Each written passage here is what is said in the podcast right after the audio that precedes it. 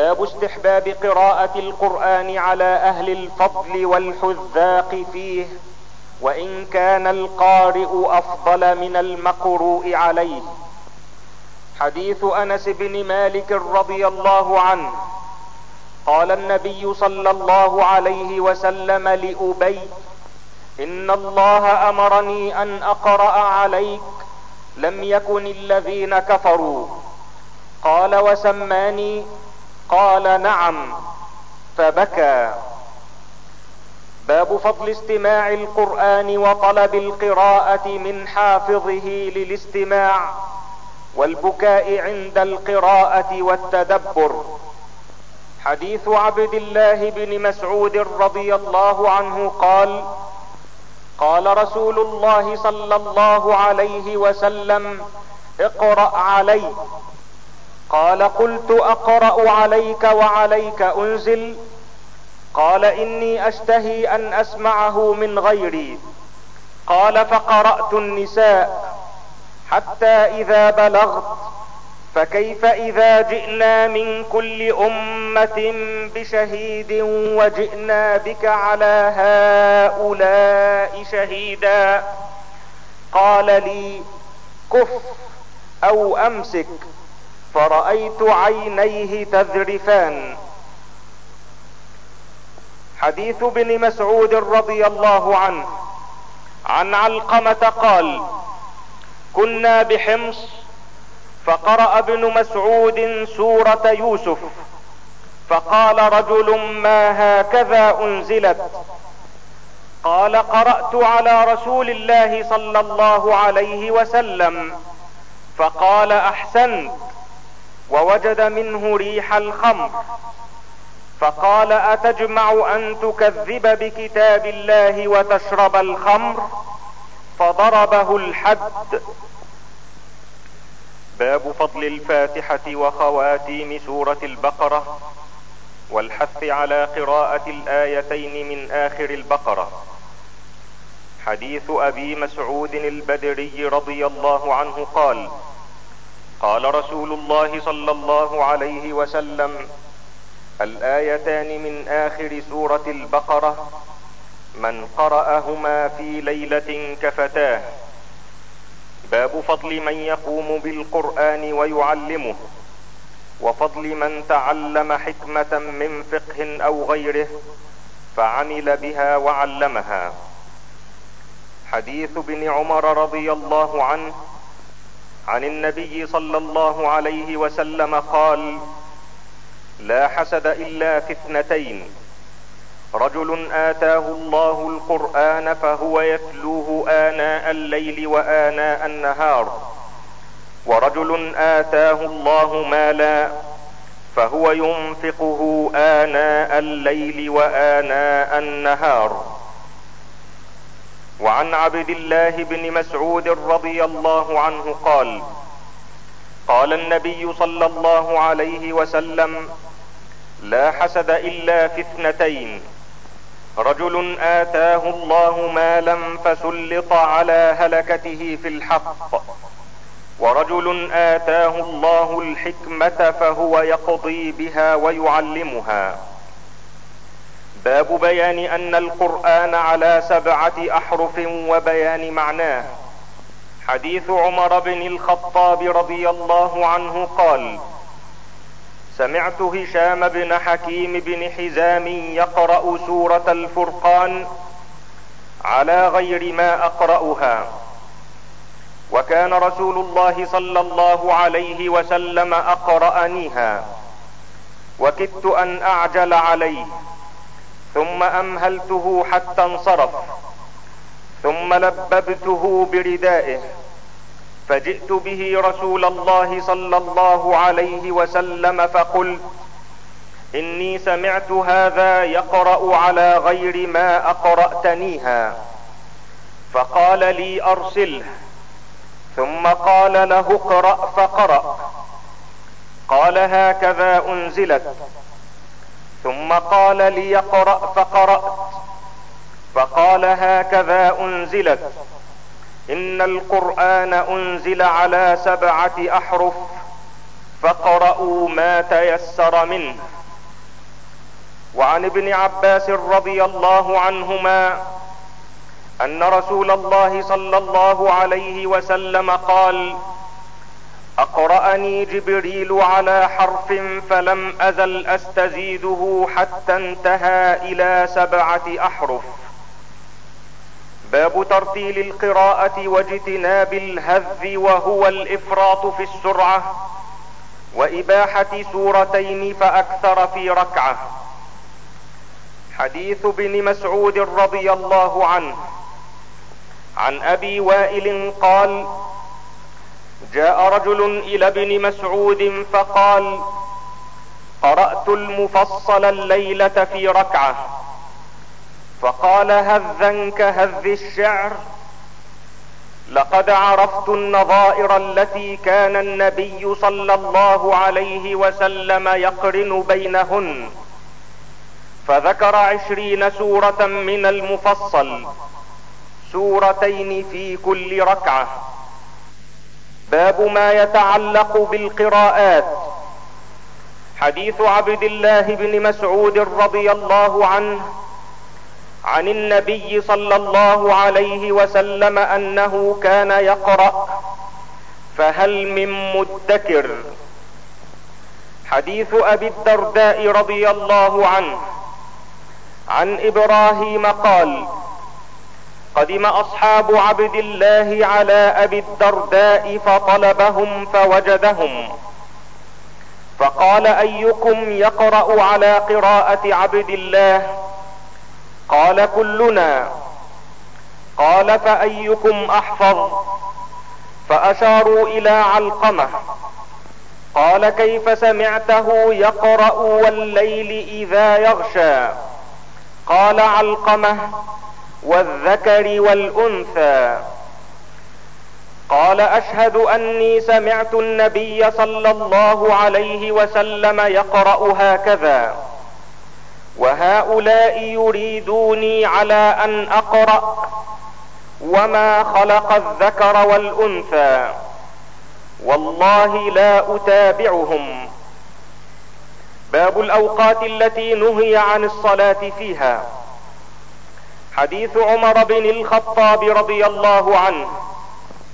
عن ابن عباس قال شهد عندي رجال مرضيون وأرضاهم عندي عمر أن النبي صلى الله عليه وسلم نهى عن الصلاة بعد الصبح حتى تشرق الشمس وبعد العصر حتى تغرب وعن أبي سعيد الخدري رضي الله عنه قال سمعت رسول الله صلى الله عليه وسلم يقول لا صلاة بعد الصبح حتى ترتفع الشمس ولا صلاة بعد العصر حتى تغيب الشمس. وعن ابن عمر رضي الله عنهما قال قال رسول الله صلى الله عليه وسلم لا تحروا بصلاتكم طلوع الشمس ولا غروبها.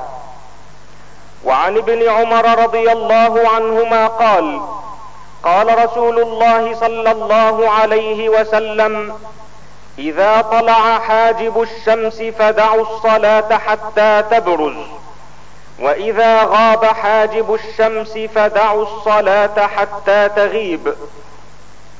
باب معرفة الركعتين اللتين كان يصليهما النبي صلى الله عليه وسلم بعد العصر. حديث أم سلمة رضي الله عنها. عن كريب أن ابن عباس والمسور بن مخرمة وعبد الرحمن بن أزهر رضي الله عنهم أرسلوه إلى عائشة رضي الله عنها فقالوا اقرأ عليها السلام منا جميعا وسلها عن الركعتين بعد صلاة العصر وقل لها إنا أخبرنا أنك تصلينهما وقد بلغنا أن النبي صلى الله عليه وسلم نهى عنهما وقال ابن عباس وكنت أضرب الناس مع عمر بن الخطاب عنهما. قال كريب فدخلت على عائشة رضي الله عنها فبلغتها ما أرسلوني. فقالت سل أم سلمة. فخرجت إليهم فأخبرتهم بقولها. فردوني إلى أم سلمة بمثل ما أرسلوني به إلى عائشة. فقالت أم سلمة رضي الله عنها سمعت النبي صلى الله عليه وسلم ينهى عنها ثم رأيته يصليهما حين صلى العصر. ثم دخل وعندي نسوة من بني حرام من الأنصار. فأرسلت إليه الجارية فقلت قومي بجنبه قولي له تقول لك أم سلمة يا رسول الله سمعتك تنهى عن هاتين وأراك تصليهما فإن أشار بيده فاستأخري عنه ففعلت الجارية فأشار بيده فاستأخرت عنه فلما انصرف قال يا بنت أبي أمية سألت عن الركعتين بعد العصر وإنه أتاني ناس من بني عبد القيس فشغلوني عن الركعتين اللتين بعد الظهر فهما هاتان. وعن عائشة رضي الله عنها قالت ركعتان لم يكن رسول الله صلى الله عليه وسلم يدعهما سرا ولا علانية. ركعتان قبل صلاة الصبح وركعتان بعد العصر. باب استحباب ركعتين قبل صلاة المغرب. حديث أنس بن مالك رضي الله عنه قال كان المؤذن إذا أذن قام ناس من أصحاب النبي صلى الله عليه وسلم يبتدرون السواري حتى يخرج النبي صلى الله عليه وسلم وهم كذلك. يصلون الركعتين قبل المغرب ولم يكن بين الأذان والإقامة شيء. باب بين كل أذانين صلاة. حديث عبد الله بن مغفل رضي الله عنه قال قال النبي صلى الله عليه وسلم بين كل أذانين صلاة بين كل أذانين صلاة. ثم قال في الثالثة لمن شاء. باب صلاة الخوف. حديث ابن عمر رضي الله عنهما أن رسول الله صلى الله عليه وسلم صلى بإحدى الطائفتين والطائفة الأخرى مواجهة العدو ثم انصرفوا فقاموا في مقام أصحابهم فجاء أولئك فصلى بهم ركعة ثم سلم عليهم. ثم قام هؤلاء فقضوا ركعتهم. وقام هؤلاء فقضوا ركعتهم. وعن سهل بن أبي حثمة رضي الله عنه قال يقوم الإمام مستقبل القبلة وطائفة منهم معه وطائفة من قبل العدو وجوههم إلى العدو فيصلي بالذين معه ركعة ثم يقومون فيركعون لأنفسهم ركعة ويسجدون سجدتين في مكانهم ثم يذهب هؤلاء إلى مقام أولئك فيركع بهم ركعة فله ثنتان ثم يركعون ويسجدون سجدتين. حديث خوات بن جبير رضي الله عنه عن صالح بن خوات عمن شهد رسول الله صلى الله عليه وسلم يوم ذات الرقاع صلى صلاة الخوف أن طائفة صفت معه وطائفة وجاه العدو فصلى بالتي معه ركعة ثم ثبت قائما وأتموا لأنفسهم ثم انصرفوا فصفوا وجاه العدو وجاءت الطائفة الأخرى فصلى بهم الركعة التي بقيت من صلاته ثم ثبت جالسا وأتموا لأنفسهم ثم سلم بهم. وعن جابر رضي الله عنه قال كنا مع النبي صلى الله عليه وسلم بذات الرقاع فإذا أتينا على شجرة ظليلة تركناها للنبي صلى الله عليه وسلم فجاء رجل من المشركين وسيف النبي صلى الله عليه وسلم معلق بالشجرة فاخترقه. فقال تخافني؟ قال لا. قال فمن يمنعك مني؟ قال الله. فتهدده أصحاب النبي صلى الله عليه وسلم. وأقيمت الصلاة. فصلى بطائفة الركعتين ثم تأخروا. وصلى بالطائفة الأخرى ركعتين. وكان للنبي صلى الله عليه وسلم أربع وللقوم ركعتان. حديث عبد الله بن عمر رضي الله عنهما أن رسول الله صلى الله عليه وسلم قال إذا جاء أحدكم الجمعة فليغتسل. حديث عمر بن الخطاب رضي الله عنه.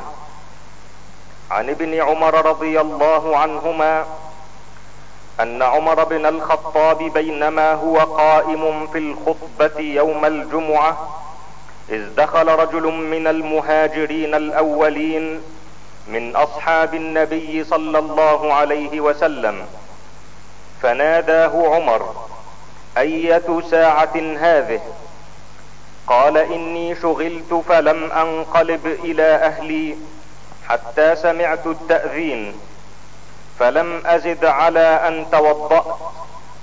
فقال والوضوء أيضا وقد علمت أن رسول الله صلى الله عليه وسلم كان يأمر بالغسل. باب وجوب غسل الجمعة على كل بالغ من الرجال وبيان ما أمروا به. حديث أبي سعيد الخدري رضي الله عنه. عن النبي صلى الله عليه وسلم قال الغسل يوم الجمعة واجب على كل محتلم. وعن عائشة زوج النبي صلى الله عليه وسلم قالت كان الناس ينتابون يوم الجمعة من منازلهم والعوالي فيأتون في الغبار يصيبهم الغبار والعرق. فيخرج منهم العرق. فأتى رسول الله صلى الله عليه وسلم إنسان منهم وهو عندي. فقال النبي صلى الله عليه وسلم لو أنكم تطهرتم ليومكم هذا. وعن عائشة رضي الله عنها قالت كان الناس مهنة أنفسهم وكانوا إذا راحوا إلى الجمعة راحوا في هيئتهم فقيل لهم لو اغتسلتم باب الطيب والسواك يوم الجمعة. حديث أبي سعيد رضي الله عنه قال أشهد على رسول الله صلى الله عليه وسلم قال الغسل يوم الجمعة واجب على كل محتلم. وأن يستن أو يمس طيبا إن وجد. حديث ابن عباس رضي الله عنهما عن طاووس عن ابن عباس رضي الله عنهما أنه ذكر قول النبي صلى الله عليه وسلم في الغسل يوم الجمعة. فقلت لابن عباس أيمس طيبا أو دهنا إن كان عند أهله؟ فقال لا اعلمه وعن أبي هريرة رضي الله عنه قال قال رسول الله صلى الله عليه وسلم حق على كل مسلم أن يغتسل في كل سبعة أيام يوما يغسل فيه رأسه وجسده. وعن أبي هريرة رضي الله عنه أن رسول الله صلى الله عليه وسلم قال من اغتسل يوم الجمعة غسل الجنابة ثم راح فكأنما قرب بدنه ومن راح في الساعة الثانية فكأنما قرب بقرة ومن راح في الساعة الثالثة فكأنما قرب كبشا اقرا. ومن راح في الساعة الرابعة فكأنما قرب دجاجة ومن راح في الساعة الخامسة فكأنما قرب بيضة. فإذا خرج الإمام حضرت الملائكة يستمعون الذكر. باب في الإنصات يوم الجمعة في الخطبة. حديث أبي هريرة رضي الله عنه أن رسول الله صلى الله عليه وسلم قال إذا قلت لصاحبك يوم الجمعة أنصت والإمام يخطب فقد لغوت. باب في الساعة التي في يوم الجمعة.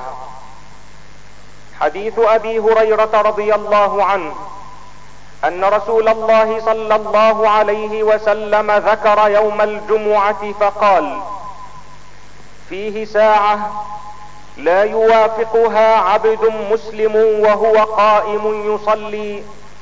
يسأل الله تعالى شيئا إلا أعطاه إياه وأشار بيده يقللها. باب هداية هذه الأمة ليوم الجمعة. حديث أبي هريرة رضي الله عنه عن النبي صلى الله عليه وسلم قال نحن الآخرون السابقون يوم القيامة. بيد كل أمة أوتوا الكتاب من قبلنا وأوتينا من بعدهم. فهذا اليوم الذي اختلفوا فيه فغدا لليهود وبعد غد للنصارى. باب صلاة الجمعة حين تزول الشمس. حديث سهل رضي الله عنه قال ما كنا نقيل ولا نتغذى إلا بعد الجمعة.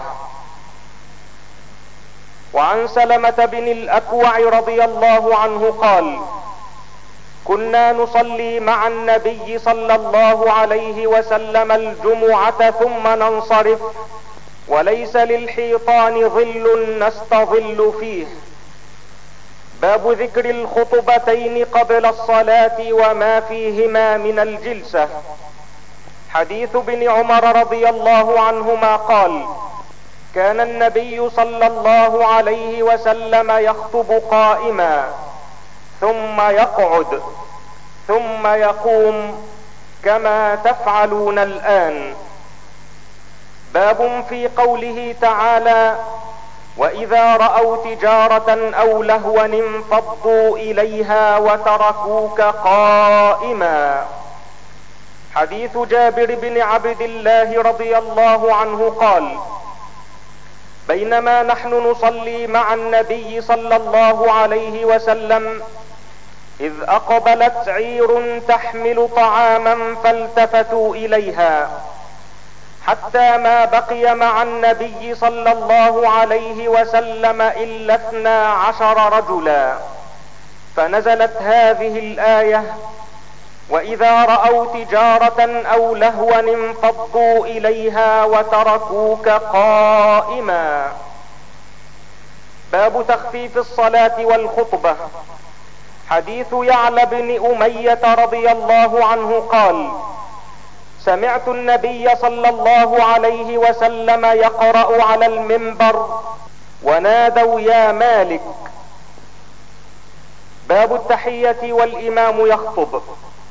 حديث جابر رضي الله عنه قال دخل رجل يوم الجمعة والنبي صلى الله عليه وسلم يخطب فقال أصليت؟ قال لا. قال فصل ركعتين. وعن جابر بن عبد الله رضي الله عنهما قال قال رسول الله صلى الله عليه وسلم وهو يخطب إذا جاء أحدكم والإمام يخطب أو قد خرج فليصل ركعتين. باب ما يقرأ في يوم الجمعة. حديث أبي هريرة رضي الله عنه قال كان النبي صلى الله عليه وسلم يقرأ في الجمعة في صلاة الفجر ألف لام ميم تنزيل السجدة. وهل أتى على الإنسان كتاب صلاة العيدين.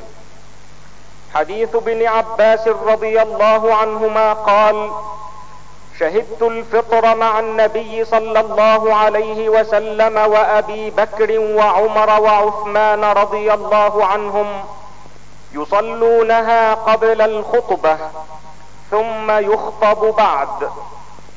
خرج النبي صلى الله عليه وسلم كأني أنظر إليه حين يجلس بيده ثم أقبل يشقهم حتى جاء النساء معه بلال فقال يا أيها النبي إذا جاءك المؤمنات يبايعنك يبايعنك على الا يشركن بالله شيئا ولا يسرقن ولا يزنين ولا يقتلن أولادهن ولا يأتين ببهتان يفترينه بين أيديهن وأرجلهن ولا يعصينك في معروف فبايعهن واستغفر لهن الله إن الله غفور رحيم ثم قال حين فرغ منها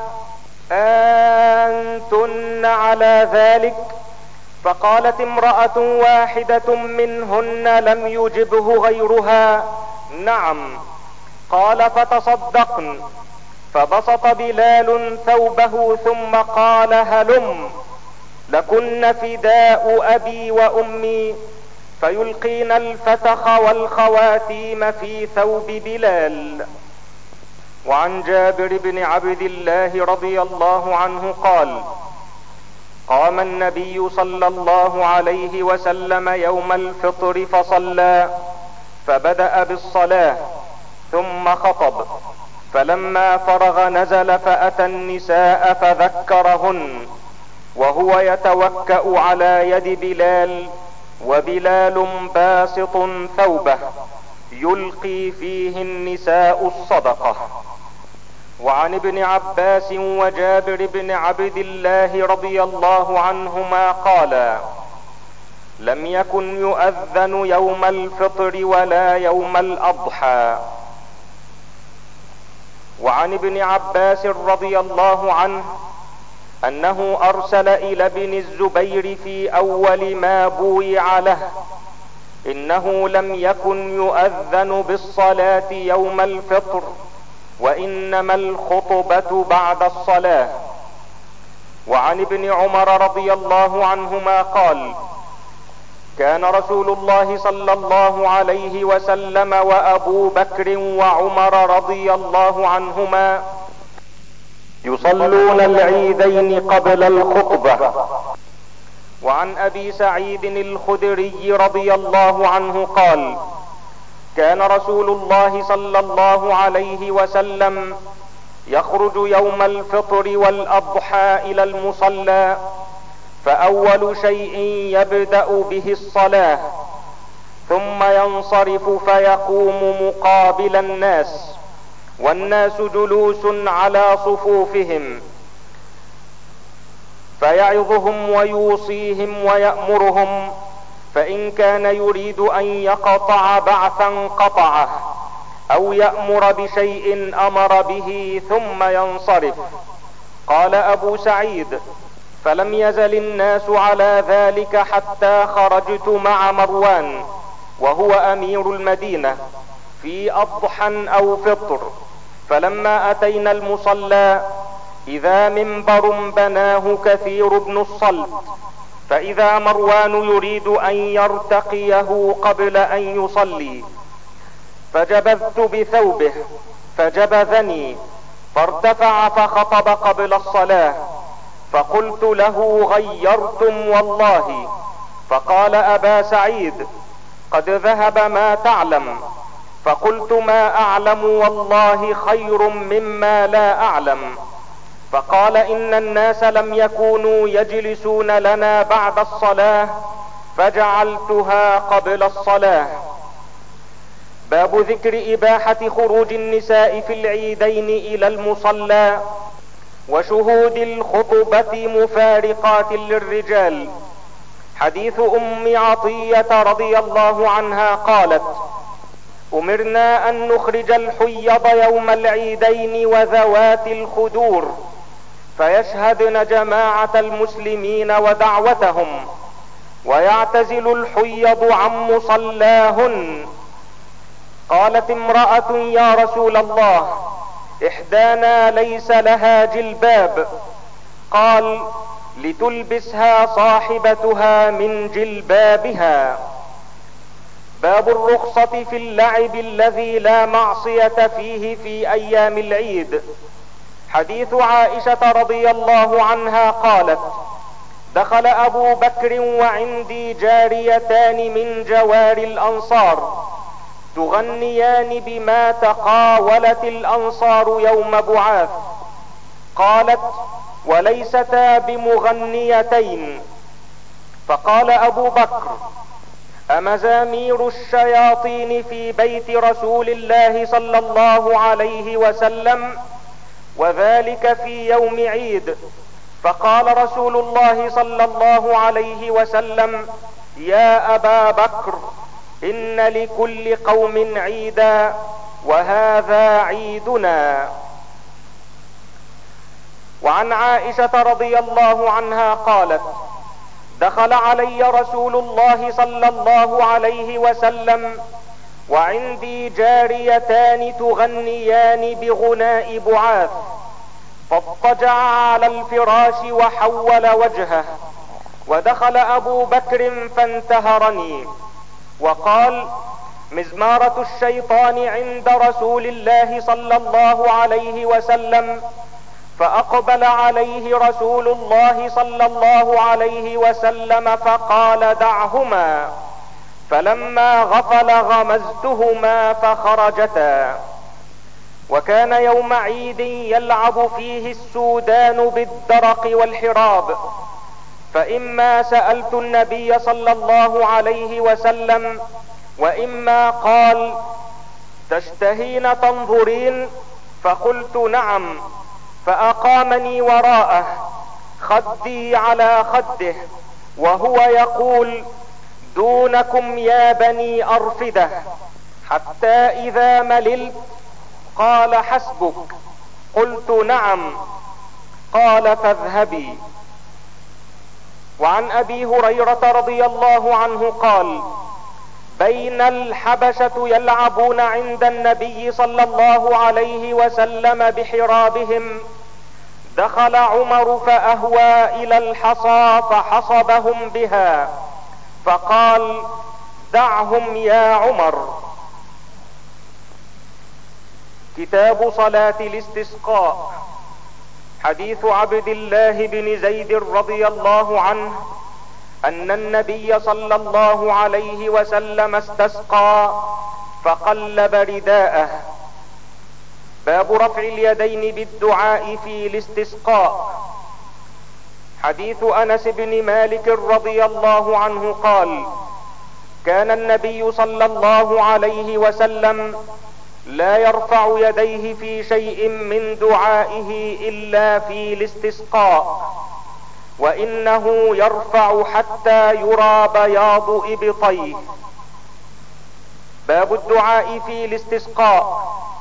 حديث أنس بن مالك رضي الله عنه قال أصابت الناس سنة على عهد النبي صلى الله عليه وسلم فبين النبي صلى الله عليه وسلم يخطب في يوم جمعة قام أعرابي فقال يا رسول الله هلك المال وجاع العيال فادعوا الله لنا فرفع يديه وما نرى في السماء قزعة فوالذي نفسي بيده ما وضعها حتى ثار السحاب أمثال الجبال ثم لم ينزل عن منبره حتى رأيت المطر يتحادر على لحيته صلى الله عليه وسلم. فمطرنا يومنا ذلك ومن الغد وبعد الغد والذي يليه حتى الجمعة الأخرى. فقام ذلك الأعرابي أو قال غيره فقال يا رسول الله تهدم البناء وغرق المال فادعوا الله لنا.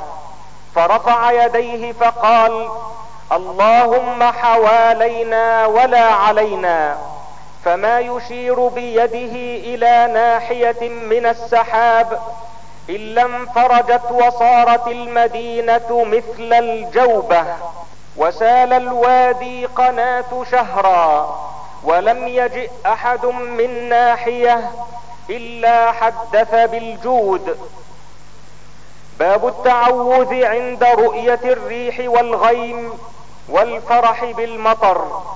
حديث عائشة رضي الله عنها قالت كان النبي صلى الله عليه وسلم إذا رأى مخيلة في السماء أقبل وأدبر ودخل وخرج وتغير وجهه فإذا أمطرت السماء سري عنه فعرفته عائشة ذلك فقال النبي صلى الله عليه وسلم ما أدري لعله كما قال قوم فلما رأوه عارضا مستقبل أوديتهم الآية باب في ريح الصبا بالدبور. حديث ابن عباس رضي الله عنه أن النبي صلى الله عليه وسلم قال نصرت بالصبا وأهلكت عاد بالدبور.